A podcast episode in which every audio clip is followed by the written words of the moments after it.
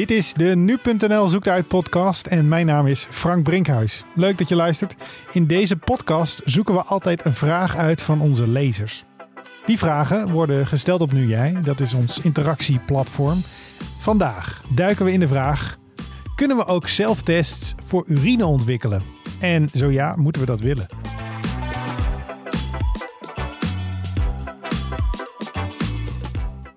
Ellen van de Nu Jij redactie viste de vraag ertussenuit.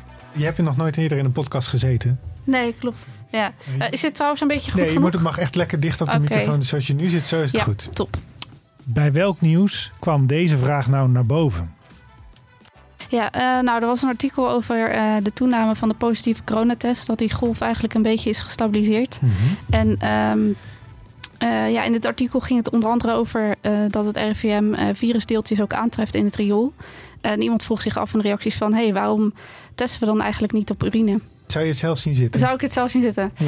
Ja, ik moet een beetje aan zwangerschapstest denken. Oh, Omdat ja. je dan ook zo over een staafje heen plat. Ik weet niet of dat dan op dezelfde manier zou zijn, maar... Oh, ik, ik, ja, zag, met- ik zag meteen zo'n potje voor me waar je dan zo'n ja, oh, pH-stripje dat, dat zou een doen. stuk logischer zijn. Maar ik heb meteen zo'n associatie met zwangerschapstest. Ja.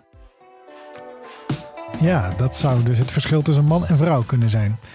Robert had namelijk ook deze simpele oplossing nog niet verzonnen. Ellen, Ellen zei net, Ellen van jij zei net, het, als het, alsof het een zwangerschapstest is, dat je erover in. Oké, nou die heb ik nog nooit Ja, gedaan. dat had ik dus ook. die heb ik, eh, ik heb daar geen eh, ervaring mee, maar wel met het wattenstaafje in mijn neus. En dat vond ik eh, dusdanig oncomfortabel dat ik in ieder geval opensta voor alternatieven. Robert van der Linden dus. Een van de redacteuren van onze redactie die al twee jaar veel schrijft over corona. In het riool kunnen ze dus corona meten vanuit urine en ontlasting. Hoe zit dit? Ehm, nou, een van de manieren eh, waarop het RIVM de verspreiding van het eh, coronavirus in de gaten houdt, is dus via het rioolonderzoek. Eh, en wat ze dan doen, is dan nemen ze monsters van het eh, rioolwater. Die krijgen ze aangeleverd van de rioolwateringszuiveringsinstallaties in Nederland. Dat zijn er zo'n 300, eh, verspreid over het hele land. En die monsters, dus dat, dat zijn dus kleine beetjes rioolwater, die worden onderzocht op hoeveel virusdeeltjes ze bevatten. Ehm, en op die manier kan het RIVM zien eh, op welke plekken, want ze weten eh, vanuit welke plekken ze die monsters krijgen, Ja. kunnen ze heel goed in de gaten houden op welke plekken er dus meer virusdeeltjes in het rioolwater zijn. En want in de huidige cijfers zag je ook dat er best wel verschil was tussen, wat was het ook alweer, de Randstad en de, en de platteland? Ja, ja. Nou, het, ehm, eh, de een andere reden waarom het RIVM ook eh, het rioolwateronderzoek heeft, eh, is omdat het een hele goede aanvulling is op het testen. Hè? De, de Ja. PCR-testen zoals we die allemaal wel een keer in de neus hebben Ja, gehad. maar nu natuurlijk niet meer zoveel. Nee, en juist daarom is het rioolwateronderzoek zo'n goede aanvulling. Omdat niet iedereen meer eh, in aanmerking komt voor een PCR-test. Dat Ja. is alleen voor bepaalde groepen, zoals zorgmedewerkers of eh, kwetsbare mensen die in verpleeghuizen wonen. Ehm, maar eh, ook mensen zonder klachten, dus als ze wel een test hadden kunnen doen, dat misschien niet hadden gedaan omdat ze geen klachten hadden. eh, maar die dan wel besmet zijn, die kunnen ook via hun ontlasting, dus de, de poep, Ja. Ehm, daar zitten ook virusdeeltjes in. En op die manier kun je dus in de gaten houden of mensen eh, besmet zijn eh, zonder dat ze het zelf misschien weten. En eh, dat kun je dus ook heel goed per regio, juist in de, rioolwa in de rioolwatersurveillance, kun je dat heel goed per regio bekijken. Want ze weten waar al die monsters vandaan komen. Ja. De, en dan kunnen ze dus op een gegeven moment zeggen: Oh, in deze regio is er opeens een forse toename van de virusdeeltjes in het rioolwater. En zo hebben we bijvoorbeeld op dit moment eh, in de nieuwe golf, waar we nu in zitten, de zomergolf, eh, die zagen we voor het eerst in de rioolwatersurveillance van bijvoorbeeld Amsterdam en Rotterdam. Ja. Daar werd, eh, voordat dat zichtbaar was in, in de testen, eh, werd al gezien dat er in het rioolwater in de regio Amsterdam en Rotterdam veel meer virusdeeltjes eh, waren. Zo wordt het urine- en ontlastingonderzoek dus nu gebruikt. Maar die onderzoeken die zijn wel een stukje ingewikkelder dan een wattenstaafje in je neus. Daar zei Robert ook dit nog over. Denk bijvoorbeeld aan hoe uitgebreider de PCR-test is ten opzichte van de zelftest. Je kunt niet thuis een PCR-test eh, afnemen. Dat moet echt gedaan worden door eh, professionals.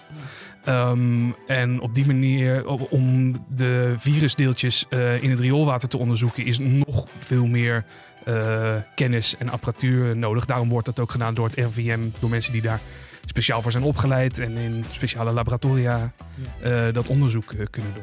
En daardoor weten we er meer over, maar de, het is niet alsof je dat zomaar overal kan. En zo komen we uit bij de laatste halte van deze zoektocht: het RIVM. Ik bel met woordvoerder Koen Berens en hij heeft het voor ons uitgezocht. Ja, ik heb even intern nagevraagd. Waarom kunnen we het coronavirus niet testen in urine? En het, het, antwoord is gewoon simpelweg, dat kan niet. Ehm, want er is, wordt eigenlijk geen virusmateriaal aangetoond in de urine. Um, nou, zeg nooit nooit. Het kan zijn dat iemand ooit iets vindt. Maar dan zal het zo weinig zijn dat je het niet kan gebruiken om te testen. Maar wij gaan op dit moment vanuit dat er geen virusmateriaal in de urine zit. En dat betekent dus dat je daar ook niet in kan testen.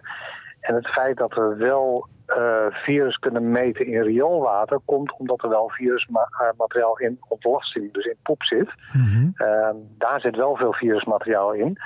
Maar ook dat kan je niet gebruiken om te testen of mensen COVID-positief zijn of niet. Omdat, uh, nou, poep is zo vies. Daar heb je heel veel uh, opwerkingsstappen voor nodig om dat in aan te tonen. En dat doen we dus in rioolwater wel. Um, maar het is niet geschikt om uh, bijvoorbeeld bij mensen te testen als vervanging van de PCR-test. Kijk, dat is een eh, heel duidelijk en, eh, en helder antwoord. Uh, sowieso, uh, de, tweede, de tweede optie wil je ook liever niet thuis doen. Uh, Precies. Lijkt me zo. Ja, ja. dat, nou, ja het, het, het, kijk, theoretisch kan het wel. Hè. Kijk, we, we hebben ook een bevolkingsonderzoek darmkanker. Mm -hmm. Waarbij je test in poep. En dat betekent dat je... En ook soms, als je voor de huisarts andere dingen... Bijvoorbeeld helicobacter of zo uh, moet testen mhm. in poep, dan heb je daar een buisje voor en een staafje. En die kan je even in de poep doen. En dat uh, doe je het buisje dicht en dan stuur je op naar het lab. Dus dat zou theoretisch wel kunnen. Alleen voor dit virus heb je dan uh, meer materiaal nodig waarschijnlijk. En zoveel opwerkingsstappen dat het gewoon niet te doen is. Want vaak, ja, je wil ook gewoon snel weten of je positief test op het virus of niet. Ja, ja het gaat, dan is dus, het nog veel omslachtiger, zeg maar. Ja, ja, en dan is toch dat antigeentestje zoals we dat nu doen, ook die zelftesten, is toch de, de, de meest simpele en snelle methode. En betrouwbare methode. Ja, ja duidelijk. Um, maar daar heb ik dan nog wel één aanvullende vraag. Daar heb je me net al iets over verteld. Um, in ontwikkeling van andere testen eh, in plaats van in de neus, wat dus blijkbaar best wel vervelend is voor mensen. daar zijn nou wel ontwikkelingen in gaande, toch? Ja, en dat, dat wordt ook al een tijdje soms gebruikt. Uh, dat zijn zogenaamde sabbelwatten, waar je op kan sabbelen. En dan komt er speeksel met virusmateriaal in die, in die watten. Um, en ook wel een uh, uh, soort, ja, ze hebben dat geloof ik op een gegeven moment wel de PCR-lolly genoemd, waar je ook op kan sabbelen. Mm -hmm. um, en dan, dan heb je niet dat vervelende ding in je neus. En dat kun je bijvoorbeeld gebruiken als dat nodig is bij hele jonge kinderen bij wie je niet kan uitleggen waarom zo'n vervelend staafje in de neus uh, mm -hmm. moet hebben. Dus dat wordt soms wel gebruikt als alternatief uh, voor, het, uh, voor dat wattenstaafje in je neus, in je keel. Um, maar die is toch wat minder betrouwbaar. Dus ja, de gouden standaard is nog steeds dat wattenstaafje in je neus. Op dit moment. Ja. Maar er zijn, er zijn inderdaad wel wat alternatieven. Een simpele conclusie deze keer. We kunnen nog niet in urine testen, dus daarom doen we het ook niet. En het zit er voorlopig ook nog niet aan te komen. Ook een ontlastingonderzoek is nog te ingewikkeld om de wattenstaaf in de neus te vervangen. Duidelijk dus. Dankjewel voor het luisteren. En als je deze aflevering leuk vond, abonneer dan. Uh, dat kan in Spotify of in Apple Podcast. En mocht je trouwens van Formule 1 houden, luister dan eens naar onze podcast De Boordradio. Daar beschouwen onze verslaggevers elke race na en voor. Dankjewel.